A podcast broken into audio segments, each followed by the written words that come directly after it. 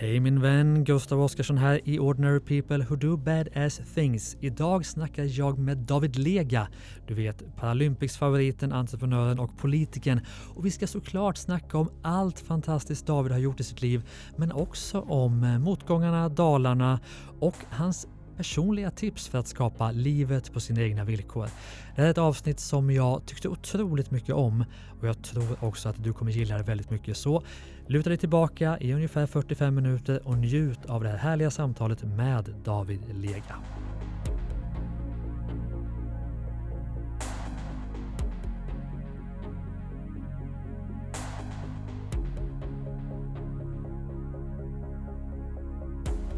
Varmt välkommen till Ordinary People Who Do Bad Ass Things. David Lega.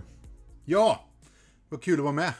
Ja, men superkul. Vi sa just det att vi har ju setts för länge sedan, men det är nog eh, 8-10 år sedan någonstans. Ja, men det måste vara där någonstans.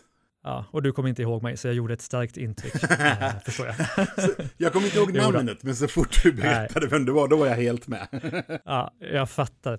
Men du, eh, det här är ju en, eh, en podd som har namnet Ordinary People Who Do Badass Things. På den skalan, Ordinary People till Badass, vart känner du att du ligger på den skalan? Oj!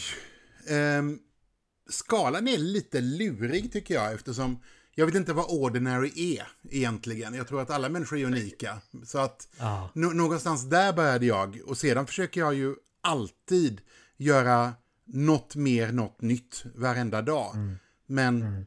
Men det spelar inte någon roll för mig om jag vinner eller förlorar så länge jag slår mig själv. Mm. Um, så badass things, är, det är kul. Um, för mig kan det vara en stor seger, ett VM-guld när jag gjorde de grejerna när jag höll på med simning. Men det kan också vara att bygga ett 1500 bitars lego med munnen. mm. Så att... Jag fattar. Badass, det... är inte det badass? Badass, något det... man inte har lyckats med innan och sen klarar. För mig är nog det badass. För mig är nog badass när man gör någonting man verkligen vill och gör det fullt ut. Och, och jag menar, vill man lägga ett 1500 bitars pussel med munnen och gör det fullt ut, då är det fan mig badass. Jag håller med. Absolut. Jag drömmer fortfarande mardrömmar om de här legoträden. Det tog en bra stund att stå på bladen med munnen. jag fattar, jag fattar. Men du, för de som, många vet ju såklart vem du är, men för de som inte vet det, ska vi ta oss liksom från Paralympics eller från idrotten till idag? Ska vi ta liksom den David Lega short story? Oj, oj, oj, absolut. Ska jag börja eller du? Jag tänker att du vet den nog förmodligen bättre än vad jag vet. Så kör du. Nej, men jag föddes med en grav funktionsnedsättning 1973. Eh, så att eh, jag var egentligen helförlamad när jag föddes. Så det var inte, läkarna trodde inte ens att jag skulle kunna sitta upp utan stöd. Men jag tränade väldigt mycket från tidig ålder och eh, tog mig från att jag hade badring när jag var 12 år gammal. Eh, vågade inte doppa huvudet riktigt. Till ett VM-guld eh, när jag var 25 i Paralympics. Mm. Tre VM-guld tog jag på VM och deltog i två Paralympics. Så att det var ju en enorm resa för mig givetvis, eh, personligen. Men, mm. men samma sak där, att det viktigaste där var nog inte VM-guldet eller ett av mina 14 världsrekord, utan det största steget var nog när jag faktiskt lärde mig att simma och klarade 25 meter utan hjälp första gången. Personligen var det ett större steg. Mm. Och låt oss stanna där då, för jag menar vi föds ju alla med, med olika förutsättningar och speciellt så i ditt fall. Vad, vad var det som gjorde att du kunde ta de stegen att, att först våga eh, överhuvudtaget ge dig in i bassängen, att simma 25 minuter och sen Paralympics. Vad var det som gjorde att, att du gjorde det och, och inte någon annan?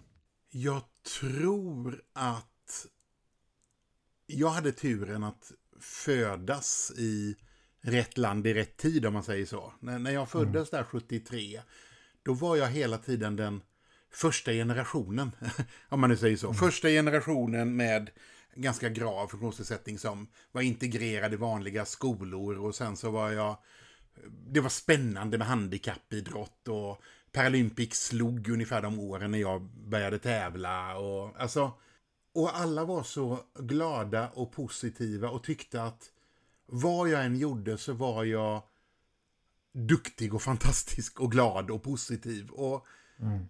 om, man, om man växer upp i den miljön, att alla går runt och tycker att man är glad, positiv och duktig och fantastisk, då, då blir man ganska glad, positiv och duktig och fantastisk. Um, mm, mm.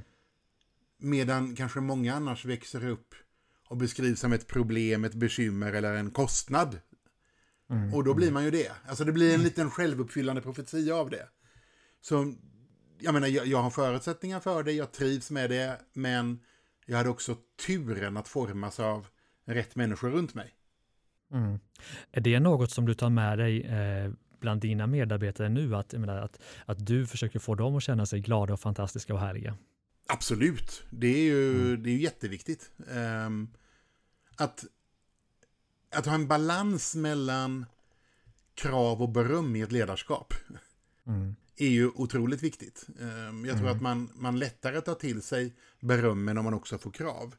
Men mm. det vet vi ju alla att det finns ju människor ibland när man berömmer dem som bara backar tre steg och säger ah, det var väl ingenting eller sådär. Mm. Och det bästa man kan göra då tror jag det är att berömma dem tio gånger till för att då är man så pass ovan vid att få beröm som man inte kan hantera det. Och då kan man mm. behöva lite mer istället. Mm. Kan, kan du ge andra exempel på hur du jobbar just med, med, ditt ledarskap, eh, just det här med både, både krav och beröm. Hur hanterar du det i vardagen? Det var lite annorlunda. Mitt, mitt förra jobb innan det jag har nu, eller uppdrag, då var mm. jag kommunalråd i Göteborg. Mm. Då hade jag en, en stab i stadshuset på ett antal personer som jag ledde och då var man ju väldigt närvarande hela tiden i sitt mm. ledarskap. Mm. Och man åt frukost varje morgon ihop, jag håller på att säga, men nästan där kaffe på morgonen och mm. man gick igenom dagarna och så. Nu när jag sitter i Europaparlamentet istället så är man kanske också mer på distans och jobbar mer hemifrån eller reser runt jorden eh, och i andra länder. Och då är det mm. snarare viktigt att ha en väldigt nära relation till den som är Nathalie Tegelberg som hon heter, min stabschef. Så att, mm. att hon utövar det ledarskapet som vi är överens om dagligen. Eftersom jag faktiskt inte kan vara nära på samma sätt. Mm. Så det, det, är svårt det där. Det är svårt att etablera sin kultur när man inte alltid är på plats. Mm. Verkligen. Och nu hoppar vi lite, nu hoppar vi direkt in i politiken, men det var ju som så att du eh, körde ju hela idrottskarriären förstås med stora framgångar med Paralympics och, och guld staplade du på hög, men sen så eh, slutade du ju med det och gav dig in i entreprenörskapet. Hur, hur gick det till?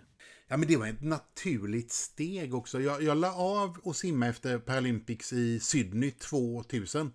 Mm. Ehm, och det var ju väldigt populärt sent 90-tal och framåt med idrottare som kom ut och pratade om sina framgångsmodeller och metoder. Och där mm. blev jag väl den, en av de, de mest erkända i Sverige. Så att jag, jag var ju runt jättemycket och pratade ledarskap i allt från eh, mm. skolor till multinationella företag, om man säger så. Mm. Um, och lyckades där bygga upp mitt första företag och fick en bra ekonomi i det. Och då kunde jag ju investera i andra idéer och planer. Um, mm. Varav vissa var lyckade och andra var katastrofala. Men, men så är det ju för alla som testar. Men berätta då, berätta om den mest lyckade och den mest eh, katastrofala. Den mest lyckade är nog hela konceptet med att vara ute och prata, skriva böcker, ledarskap, eh, mm. videofilmer, för, alltså hela konceptet runt det. Där, då var jag ju i över hela världen och pratade. Så att det gick mm. ju väldigt, väldigt bra. Eh, mm.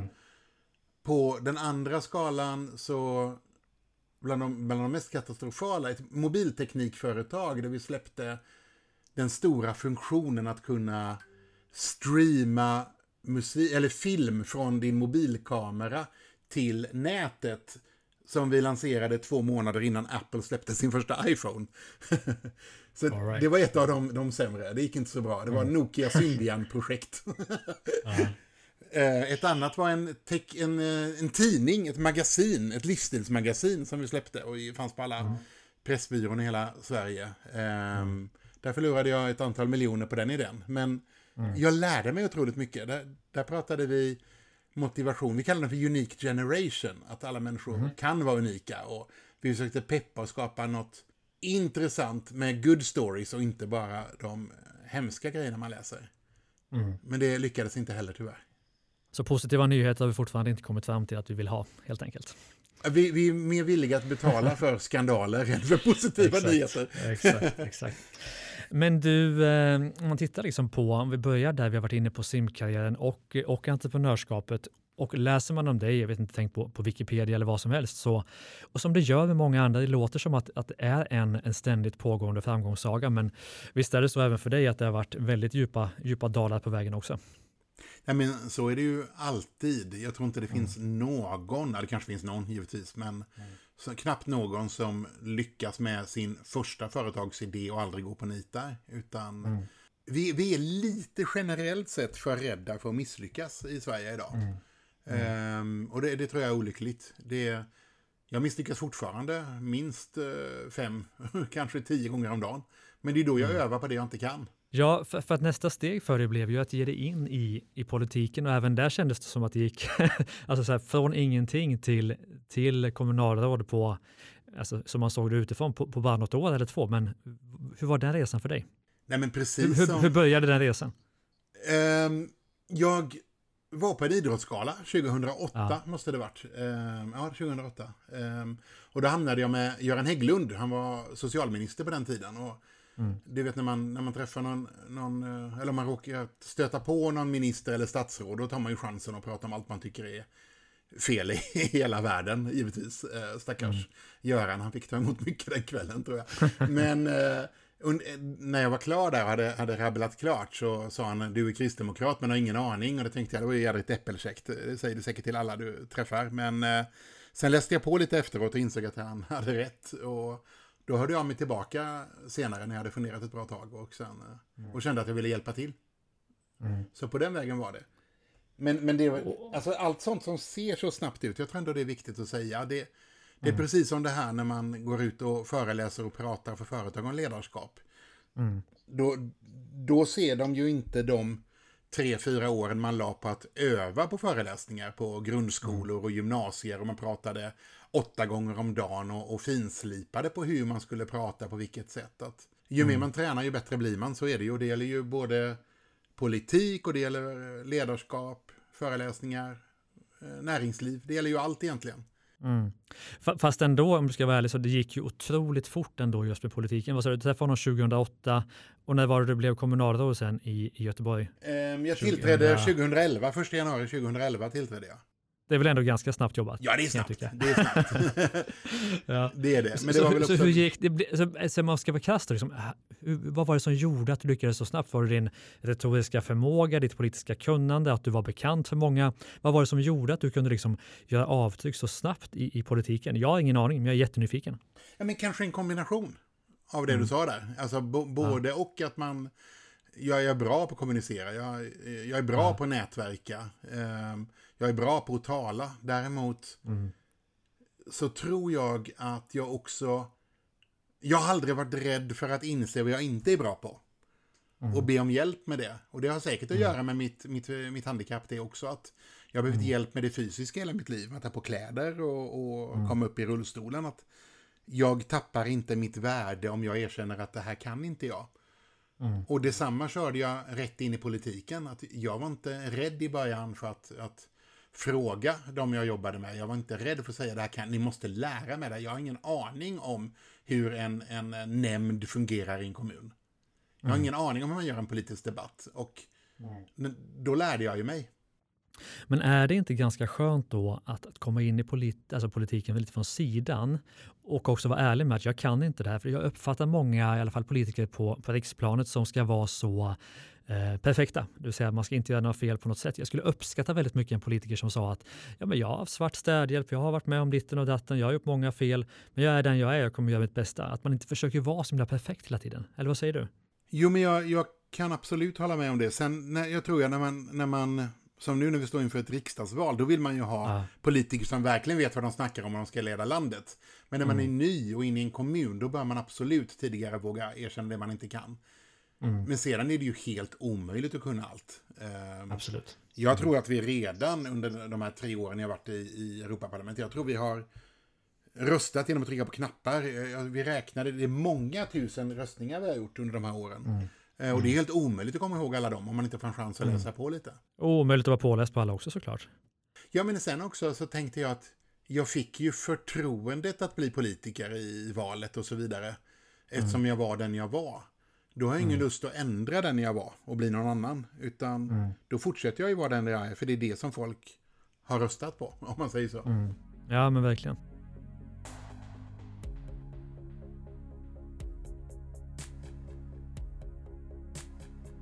Men du, vi ska inte uppehållas, eh, uppehålla oss för mycket vid politik. Det är ändå en entreprenörspodd. Men jag tänker ändå när jag, när jag har dig med och vi står inför ett val eh, om någon månad. Eh, det spelas in i mitten på augusti. Eh, och du har ju mer, ska man säga, Europaperspektivet och, och världsperspektivet. Vad är det du ser som är så inblandad i det som händer i Europa och, och världen som, som du gärna liksom skulle vilja att, att alla såg? Vare sig det handlar om klimat eller att det handlar om brottslighet eller att det handlar om sociala förhållanden eller vad det nu kan vara. Vad är det, liksom, vad är det alla borde veta om, om politiken och om världen just nu?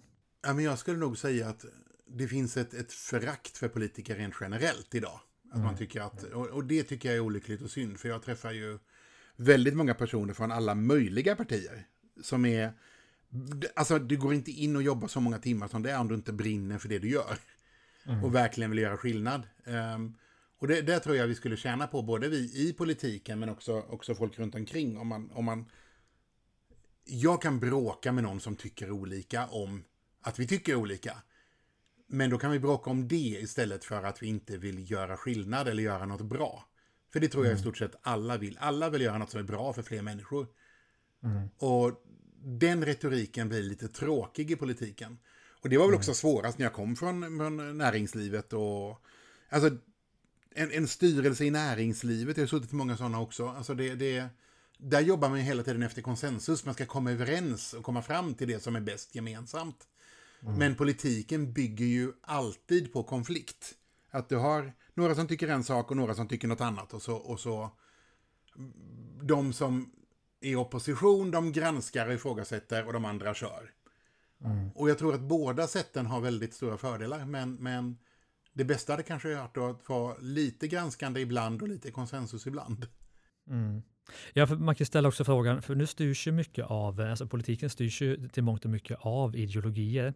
Är det rätt väg framåt eller ska vi liksom styra världen och Sverige och, och så vidare mer på, på fakta? Nej, jag tycker att ideologierna är viktiga för de visar ju på de verktyg man använder. Men sen mm. måste det bygga på gemensamma fakta. Mm. Problemet är ju detta när det blir fake news och fel mm. fakta. När vi inte längre kan enas om faktan bakom. Då mm. blir det ett mm. problem. Um, och där är vi ju tyvärr idag i ganska många diskussioner och debatter att mm. jag kan säga, nu hittar jag på ett exempel, men jag kan mm. säga brottsligheten går ner och då kan någon annan säga, det kan du säga, men jag åker buss och jag vet att det inte är så. Mm. Då, då, är det väldigt svårt att komma fram till hur man ska gå vidare. Mm. Om jag säger att det här är ett bord och du säger nej det är faktiskt inget bord, det är en stol. mm. det, hur sjutton ska man kunna prata vidare då? Mm, mm. Och det, det, är tråkigt. Mm. Ja, men jag fattar. Men, men vilka frågor är det som, som du själv drivs av, som du känner att det här är verkligen de frågorna som, som vi i mänskligheten måste, måste ägna vår tid åt just nu? Vad är de stora liksom, frågorna i, i vår tid? För mig är det relationer därmed, men, men nu inom, inom politiken jobbar jag mest med, med uh, utrikesrelationer, utrikespolitiska relationer. Mm. Jag sitter i utrikesutskottet och jag jobbar med länder som uh, relationerna till Ryssland, Ukraina, Iran, Kina. Och det drivs ju väldigt mycket av mänskliga rättigheter och demokrati, helt enkelt. Att, mm. att ge... Alltså min drivkraft var nog väldigt många som går in i politiken eller går in med, med barns rättigheter som jag brinner jättemycket för. Gör det kanske för att man har råkat ut för någonting och vill att fler ska slippa drabbas av det man drabbades av. För mig var det mer tvärtom. Jag har verkligen fått all hjälp och stöd och jag vill att fler ska kunna få den. Mm. Så jag gick nog in av ett mer positivt skäl än många andra, att jag verkligen, verkligen tyckte att det var bra, men nu måste vi se till att fler kan få det. Mm. Så den typen av ja. frågor, att, att folk kan få växa och utvecklas och inte hela tiden vare sig lämnas efter eller hållas tillbaka. Mm. Jag fattar, men det måste ju finnas mycket här som om vi tar då dina tre karriärer kan man säga, idrotten och så har vi entreprenörskapet och vi har politiken. V vad tycker du att de här olika områdena kan lära sig av varandra? Ja, men jättemycket. Jag tror att vi behöver många politiker som har livserfarenhet från andra områden. På samma gång som man också behöver ett antal politiker som är proffs på politik. Så, men, mm. men jag hade ju inte varit en bra politiker om jag inte hade gjort åren i simbassängen och drivit mina företag. Den, de mm. erfarenheterna har jag med mig varje dag. Både det positiva och det negativa. Både mm. det där att det tog mig fyra år från jag var 12 år till jag var 16 med att... Alltså det tog mig fyra år att lära mig att klättra ur bassängen själv utan hjälp. Jag tränade varenda, efter varenda träningspass och lyckades inte ramla igen. Och jag kom upp själv första gången efter, efter eh, fyra och ett halvt år. Mm. Och den känslan av utveckling slår ju allt. Och sedan mm. på det att jag i näringslivet lärde mig hur en balansräkning fungerar, hur en resultaträkning funkar. Mm. Det, det, tycker man ju självklart att alla i politik ska kunna också, men det, det är inte alla som kan de bitarna. Så att, mm. att ha en förståelse för, ja, men för andra människors vardag. Och på det då, om man tittar på det här med handikappet igen. Mm. När jag föddes var jag ju en, en person som var i totalt behov av stöd och hjälp från politiken. Mm. Varje dag. Och det gör jag ju fortfarande. Jag menar, jag har personlig assistent idag som hjälper mig. Det hade aldrig gått utan politiska beslut. Jag har min rullstol, jag har assistenter. Um, och det är klart att ha det och sedan fatta beslut är ju, är ju en, ett viktigt perspektiv att ha med sig för mig. Men det gäller ju alla människor. Vad mm. du än har med dig, det är ju din erfarenhet. Jag tror inte mm. att någon erfarenhet är bättre eller sämre, utan vi har vår egen. Mm. Men det finns något intressant i det du sa med att okay, det tog mig fyra och ett halvt år att ta mig upp ur bassängen.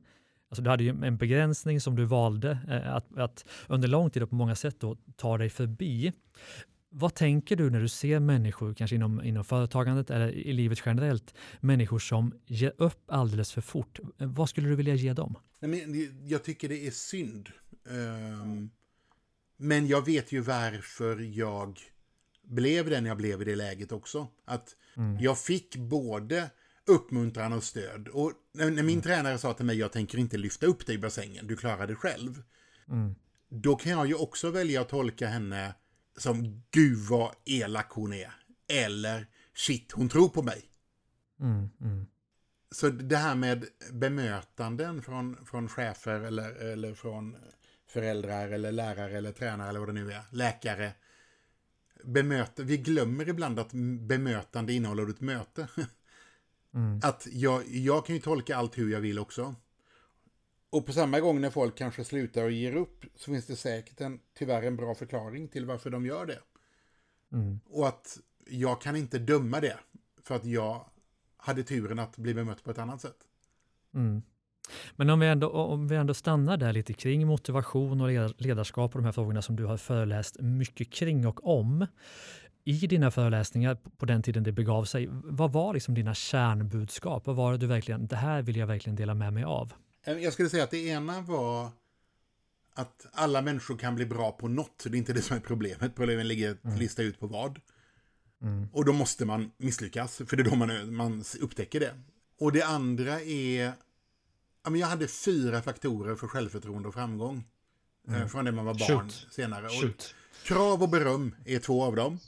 Mm. Och de andra två är kärlek och stöd. Mm. Att alla människor behöver kärlek, stöd, krav och beröm i sitt liv. Mm. Men om du tänker på det som ett, ett, en stol eller ett bord med fyra ben. Mm. Så måste det stå rakt, alltså det måste finnas balans mellan de fyra benen. Och det tror jag är jätteviktigt, för vi pratar bara i samhället om idag vad vi inte ska ha. Alltså när det är mm. obalans. Är det för mycket stöd, då snackar man curling. Mm. Är det för mycket krav, säger man det nya tuffa samhället och så vidare. Alltså, vi mm. pratar hela tiden om vad vi inte ska ha, men inte vad vi ska ha. Jag tror att målbilden mm. vi behöver är vad vi ska göra.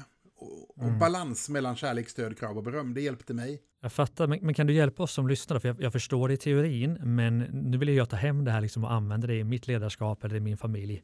Vad kan det innebära praktiskt att, att, att ta med sig det verktyget? Jag ska fundera på hur man kan, kan uttrycka det. Shit vad länge sedan det var jag var föreläsare, kände jag nu. har du glömt bort? Det, det, är jättebra. Ja, men det, det är kul. Um, ja. Jag tänker mig, för det är lätt, alltså lätt i de här samtalen som jag har att det blir teoretiskt. Och man, ja, men jag köper liksom teorin, låter jättebra och så går man hem och så vad sjutton ska jag göra då? Vad ska jag göra för att ge mer kärlek eller för att ställa krav på ett bättre sätt eller vad, vad det nu kan vara? Va? Så alla av den typen av verktyg är ju så värdefulla. Ja, precis. Jag, jag, jag håller verkligen med, men, men jag är också jag är alltid lite rädd för det där. Jag har alltid varit det, lite orolig för det där. Dina tre bästa tips för framgång och så vidare. Ja. Jag, jag, jag, har alltid brukat svara sluta tro på tips. Mm. För att det som funkar för mig kanske inte funkar för den någon annan. Mm. Samtidigt har ju du säkert en del exempel som har funkat bra i ditt liv, tänker jag. ja, men det är, så lätt att ta tips som, det är så lätt att ta tips som sanningar. Mm. Um, att, och så mår man ännu sämre efteråt. Jag kan ju inte ens göra det mm. när jag får det skrivet på näsan. Um. Så att jag tror att det allra viktigaste det är att testa. Att mm. pröva. Testa ett ställigt krav.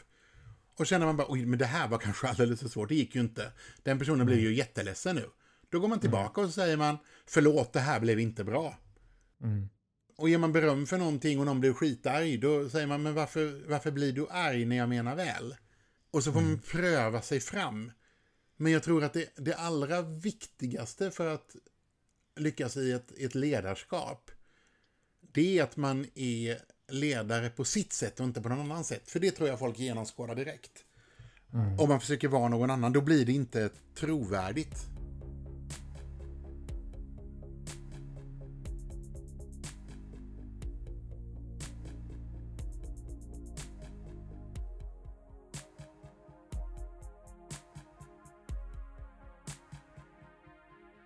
Och det är risken också när man får alla de här tipsen om att så här ska ledare vara, tio bästa. Jag älskar ju eh, tips själv. Jag är en sån person som har lätt att ta åt mig tipslistor och liknande. Men å andra sidan så ja, men då tänker man att det här är sanningen. Man ska vara bla bla bla, man ska vara X och Y. Va? Men det är inte alls säkert det funkar, speciellt det kan vara olika organisationer, olika typer av bakgrunder, kvinnligt, manligt, det finns tusen olika sätt att leda på. Ja, och, och jag tror att det allra viktigaste det är att man är ledare på sitt sätt. Mm. Utifrån sig själv, för där är man trygg. Mm. Men jag skulle inte kunna vara en, en, ledare på samma sätt som Ingvar Kamprad var. För jag har inte mm. den personligheten, jag har inte den mm. bakgrunden. Jag kanske är överdrivet glad och positiv och peppande och berömmande på många sätt i min person. Men det är ju sån jag är och då köper folk det. Mm. Vega, min fru, hon säger, hon skulle beskriva en bra egenskap, och säger men du, du är ju onödigt positiv, kallar hon mig, tror jag det var. Mm. Men, men det är ju jag. Nej, men jag fattar och jag förstår att du inte vill ge specifika tips och att det kan vara olika, men det är ändå intressant för du som har mött så många eh, människor då inom eh, idrotten och, och entreprenörskapet och eh, även politiken. Finns det någonting hos andra människor som, som lyckas väldigt väl med det de gör, som är framgångsrika inom eh, både kanske sitt liv och sitt gebit? Kan, kan du se någonting, någon gemensam nämnare hos dem som bara säger aha, det här har jag förstått liksom av människor som lyckas med det de vill, de har de här egenskaperna eller de här insikterna. Ja, men jag tror det är just det vi pratar om faktiskt. Titta, om vi mm. tittar på idrotten, titta på tre då. Titta på Ingmar Stenmark, Carolina Klüft, Zlatan. Mm. Det finns ju inget mer gemensamt i deras personlighet än att de är sig själva. Mm. Titta på, eh, vare sig det är Bill Gates, Spotifys grundare, varför tappar jag namnet? Eh, eh, Daniel Ek. Ja, eller, eller mm. Personen som driver den, den lokala mekonomen. De är sig själva om de är framgångsrika. Mm. Um, och jag tycker det är jätteroligt att läsa tips. Jag läser också alla tipslistor. Men mm. det är så farligt om man tar det som att jag måste göra så här för att lyckas. Så jag, tänk, jag tänker mig att det kan finnas små knep på vägen som kan liksom ändå göra skillnad. För jag menar, Zlatan är sig själv, och Carolina Klüft är sig själv och många andra är sig själva.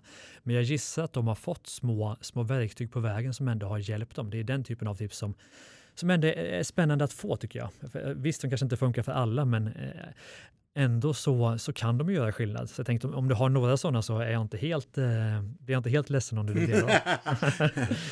nej men, nej men jag, jag som sagt, att, att, vara sig själv och köra på sitt sätt, men att också ja. våga pröva någonting annat om det inte går bra. Mm. Jag tror att alla de tre idrottarna vi pratade om där till exempel, de har mm. brutit med tränare när det inte funkade. Ja. De vågade säga att det här är inte bra för mig, även om du mm. är en mm. duktig tränare. Många entreprenörer som har jobbat på andra arbeten har sagt att det här passar inte mig. Mm. De har vågat testa. Så det är väl det här klassiska våga-ordet då. Men, mm. men jag, jag, skulle vilja att våga bli någonting naturligt och inte någonting farligt. Alltså jag mm. pratar inte våga bungee jump, ta ett snöre runt foten och hoppa ut från en bro. Det är inte det våga jag är ute efter. Jag är ute efter mm. att våga pröva något du inte har gjort innan. Mm. Men vad har du provat då? Om vi, om vi liksom håller oss eh, till dig och vad som har funkat för dig, och det betyder inte att någon annan måste testa, men om vi, om vi tar ditt liv, eh, både när det handlar om, om prestation som du har varit onekligen duktig på, men också om liksom eh, sätt att, att må bra. vad gör du i din vardag som, som får dig att, att vara och bli den du vill vara? Det kan ju vara allt från meditation till att du jobbar på ett visst sätt, till att du tar hjälp av en viss typ av människor eller har en mentor eller ja, vad, vad den kan vara. Alla sådana tips som, som du använder dig av kan ju vara spännande tänker jag. Mm, ja, men det, det ena skulle nog vara, jag, det här låter ju brutalt, jag, jag skiter ja. i om jag vinner eller förlorar. Ja. Jag gör verkligen det. Jag kan vara jätteglad vid en förlust och jätteirriterad vid en vinst. Beroende mm. på hur jag har presterat. Mm. Jag tror det är viktigt att skilja på subjektiv och objektiv framgång. Mm. Eh, objektiv framgång är att spöa dig, subjektiv är att spöa mig själv igår. Eh, och varje dag försöker jag, som jag sa innan, slå mig själv igår. Det är det ena. Mm. Mm.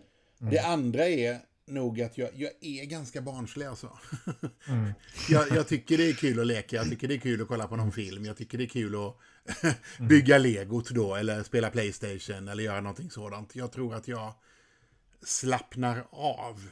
Eh, man kan hålla på mm. med väldigt allvarliga saker, vare sig det är inom idrott, näringsliv eller politik och ändå kunna skratta och leka lite. Jag mm. behöver ha kul för att kunna göra ett bra jobb. Mm. Den är viktig. Jag kör nog fortfarande, ända sedan simtiden, en liten mental uppladdning på morgonen i morgonduschen. Lite sådär. Mm. Alltså jag brukar alltid... Ber berätta.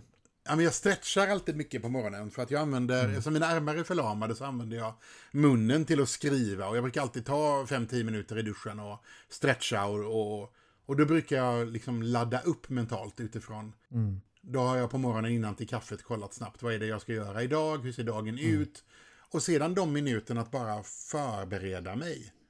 Mm. När, jag, när jag var idrottare kallade jag det för att uh, simma mentalt.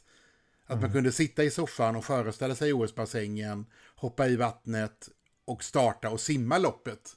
Jag hade till och med en mm. tidtagarur och klockade mig. Och simmade loppet mentalt mm. och kollade vad jag hade för tid. Det var ett bra sätt att mm. träna teknik. Och det tror jag jag gör fortfarande. De åren jag föreläste så förberedde jag mig vad jag skulle säga. I politiken kanske jag förbereder debatter, frågor. Att jag, jag verkligen går igenom det på morgonen och tar den tiden. Mm. Men du, här kanske vi har någonting apropå det här med framgångstips. Alltså, visualisering kan vi väl kalla det här med ett ord.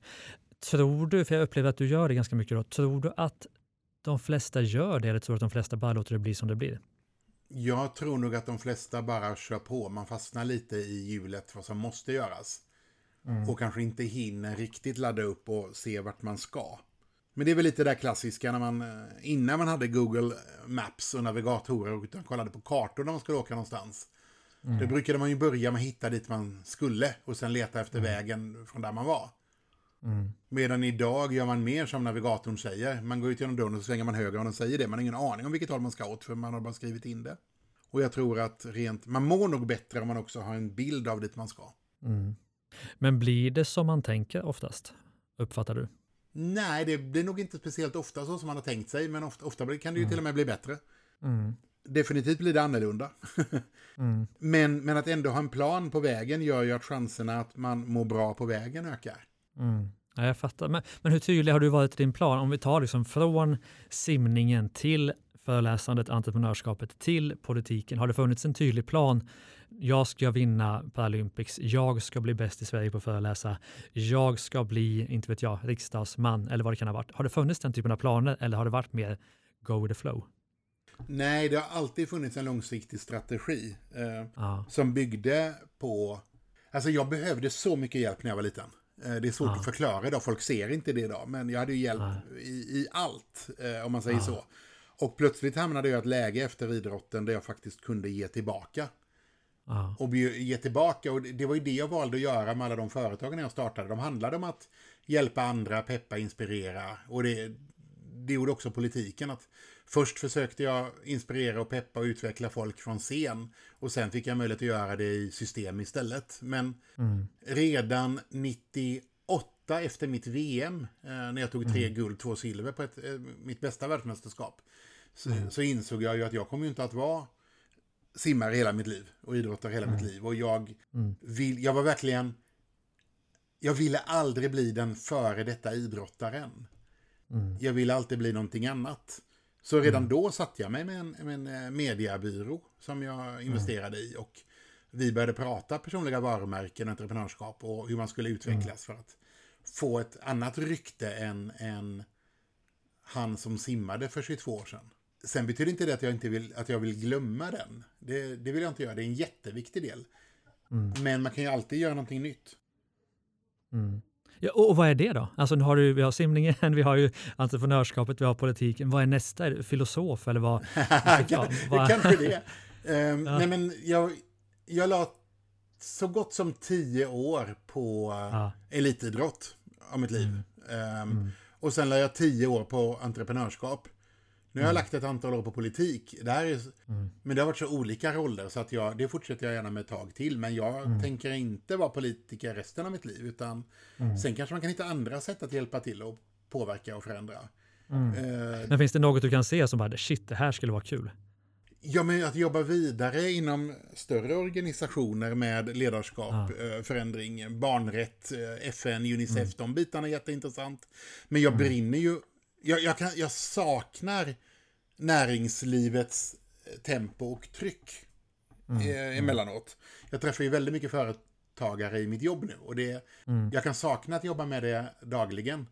Så det är inte alls omöjligt att man går tillbaka till det någon gång. Det beror ju lite på vad familjen vill också. Nu har jag, det allra viktigaste nu det är ju min, mm. min eh, dotter som fyller två i höst.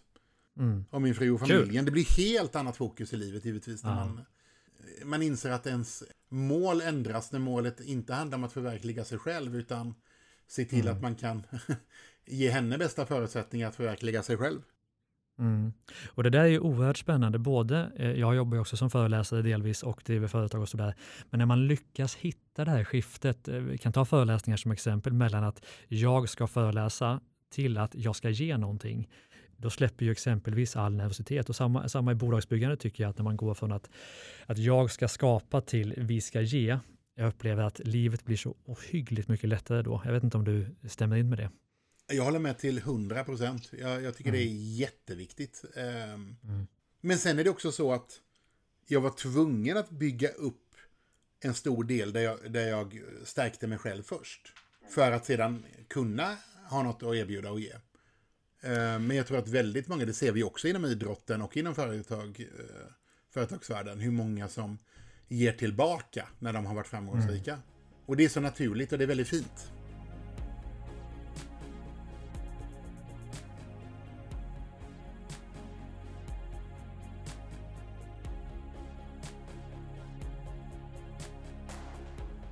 Du, jag vill, jag vill hoppa lite i ämnet för jag kom på en fråga som skulle intressera mig att få ett svar på. Jag tänker du som är så insyltad i, eh, i politiken på, på EU-nivå. Finns det några liksom trender eller någonting du kan se som vi som driver företag borde förstå eller jag ska inte säga utnyttja men att shit det här håller på att hända, det kommer ett helt nytt betalsystem eller det blir helt, helt nya regler för det här eller allt, alla pengar i EU kommer gå till miljöteknik eller inte vet jag. Finns det någonting som är spännande som svenska företagare borde, borde veta om, om det som händer på politisk nivå? Jag skulle säga att det blir ett större...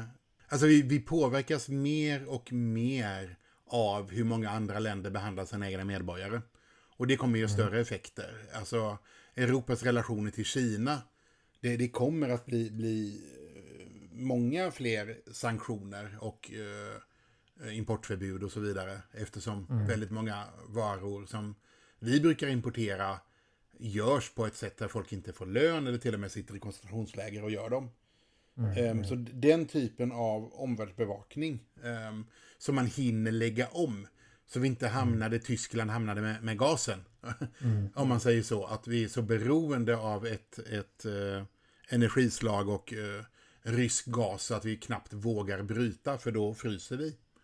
Mm. Och samma med import från Kina till exempel. Ja, och nu tror jag Kina, det, det, det kommer inte bli enklare om inte de faktiskt börjar svänga. Vilket vi från mm. EUs sida faktiskt kan påverka. Att bara mm. Sverige mm. säger vi slutar handla med det struntar Kina i. Men, men när mm. EU som gemensamt är en av världens största, om inte den allra största ekonomin, säger något, mm. då har vi chans att göra skillnad där också. Mm. Så jag tror att någon omvärldsbevakning på och hinna lägga om om man behöver leveranser och så vidare. Mm. I ett tyvärr väldigt mycket hårdare eh, globalt klimat som vi har idag. Mm. Och det där är ju intressant för många av oss företagare tar ju oss inte tid, alltså vi tar oss knappt tid till eh, den personliga utvecklingen och kanske ännu mindre tid till att, att försöka förstå, som du säger, omvärldsbevakning, förstå de stora globala trenderna, förstå hur ett, eh, inte vet jag, ett handelskrig mellan USA och Kina kan, kan slå på vår ekonomi och så vidare. och så vidare. Eh, det är ju enormt viktigt, precis som du är inne på. Ja, och där tror jag väldigt många skulle tjäna på det. Det kan vara det kan vara tryckeriföretag som importerar alla sina produkter från Kina för att sen trycka logo mm. på det till, mm. till Volvo. Mm. Och det är klart att, att stora företag har en, en, större möjlighet att sätta sig in i detta och påverka det. Mm. Men jag tror att effekten är minst lika stor, om inte förödande, på våra små och medelstora mm. företagare. Just det. Ja, men det är oerhört intressant och verkligen en passning till, till dig som lyssnar att åtminstone lägga en timme i veckan. Bara läsa på titta olika kanaler och inte bara svenska kanaler är viktigt att säga också, utan utländska källor är ju minst lika viktigt i och med att vi får en ibland ensidig bevakning eh, i de källorna som vi får i Sverige, tänker jag. Det tror jag är jätteviktigt. Men du, hur ser du på världen? Vi har ju en, hos många en, en ganska negativ bild av, av mycket som händer i världen. Vad är din liksom take på, på världens utveckling just nu? Hur ser du på, på världen? Um, ja, men världsläget, världsläget är osäkert och spänt. Mm. Um, jag menar, det är ju absolut fruktansvärt i Ukraina och, och Rysslands mm. aggressioner som hittills inte... Han har ingen avsikt att sluta, uh, Putin, mm. ännu. Och de personerna som är med honom på detta. Så att mm. det kommer att, att hålla på. Jag är rädd att det håller på några år till innan det, det mm. vänder. Och jag hoppas att det vänder genom en förändring att sanktionerna gör så pass mycket, mycket skada så att, att folket protesterar. Mm. Det är det som är det allra viktigaste. Men i den omvärldsbevakningen, får jag bara komma tillbaka till det snabbt som du sa, att, lägga en, tim att lägga en timme på det är, är jätteviktigt, men att också se att det innebär att man jobbar. Ja. Att det är en del Precis. av ens jobb. Mm. Att det är en del av att driva företaget framåt. Att det inte är mm. något man får dåligt samvete för och borde gå tillbaka till jobbet. Eh, utan mm. se det som en del av det. Precis som det är en mm. del av det att, att lyssna på sånt här kanske, som din podd, som vi gör nu. Mm. Att det utvecklar en i ens framtida ledarskap. Mm. Det tror jag är viktigt. Att man inte ser Verkligen. personalutveckling som en ledig dag. Nej, men jag håller med helt och hållet. Men du, eh, vi kanske börjar närma oss, eller kanske vi börjar närma oss eh, slutet nu. Jag har två sista frågor. Vad, men är det någonting du känner att det här borde vi ha snackat om när det gäller allt från ledarskap till, till personlig utveckling, till ditt liv, till världen, till politiken, till ja, allt som intresserar oss båda? Ja, men vi har berört så jättemycket. Eh, mm. Så att det jag Nej, men det, det jag tror i det här läget är just att man mm. verkligen, verkligen ska försöka vara sig själv. Jag tjatar om det, men, men det är så otroligt lätt att man vill skruva den som backham, om man nu säger så. Mm. Utan mm. Det, det, är inte det det handlar om. Det handlar om att må bra, utvecklas och komma lite längre än vad man var igår. Sen om det mm. blir att man driver ett, ett miljardföretag eh, ekonomiskt oberoende eller att man faktiskt mår bra, har kul och växer och träffar intressanta människor på vägen. Mm. Det, det, är mindre intressant vad det blir så länge man trivs. Mm. Ja, men verkligen. Men du, eh, det där var ju svaret på min sista fråga visserligen, så den får jag ju skjuta upp då. Men eh, jag är ändå nyfiken då, vi står ju inför ett val den 11 september. Eh, vad, vad tror du kommer att avgöra valet? Energipriserna. Mm. Och hur dyrt och, det är att leva nu. Um, det tror jag kommer att avgöra valet. Um, och hur är det en politisk fråga? Alltså alla vill väl ha lägre energipriser, tänker jag. Ja, alla vill ha lägre energipriser, men mm. vissa stänger ner kärnkraftverk, andra vill ha kvar dem och bygga fler. Um, mm. Och det är det vi behöver nu, inte minst med tanke på det, den globala osäkerheten som vi har. Så att energipriserna tror jag kommer påverka vårdköerna. Mm. Kommer att påverka Mm. Och den allmänna känslan av otrygghet som vi har i samhället idag. När folk är mm. rädda för att gå ut. De sakerna mm. tror jag kommer att påverka. Och det där gör mig, jag håller ju med dig till stora delar om, om, den, eller, om eh, tanken kring vad som kommer avgöra valet. Men det gör mig också lite ledsen att eh, klimatfrågan får så pass liten plats i ett osäkert läge i världen. Ja, eh, det gör mig ledsen också. Men på samma gång så tror jag att det är väldigt viktigt att vi tittar på praktiska, realistiska lösningar som verkligen gör mm. skillnad. Um, mm. Och att de lösningarna ger mer än, än uh, galjonsfigurlösningar. Som kanske låter bra och ger mindre verkan. Så att få den balansen att, att jag har aldrig trott på en utopi. Jag har alltid varit ganska pragmatisk och jag är helt säker på att det finns bra lösningar för att komma till rätta med allt från världsläget till klimatkrisen. Men då mm. måste vi också se att det vi gör är bra. Det är där mm. vi får motivation att fortsätta. Mm. Jag fattar. Men du, eh, tiden börjar rinna mot sitt slut. Ska vi avsluta med, vad skulle du vilja säga som avslutning? Vi har tusen, eh, tusentals företagare som lyssnar på podden. Vad är dina slutord, eh, David? Förutom tack så mycket.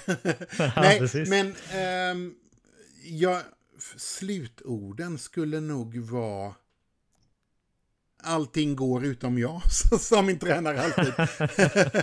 och någonstans ja. ligger, ja, men det ligger lite i det. Um, ja. Det mesta går, men det kräver hård träning, uh, mm. förberedelser, men också att man faktiskt inte är rädd för att pröva.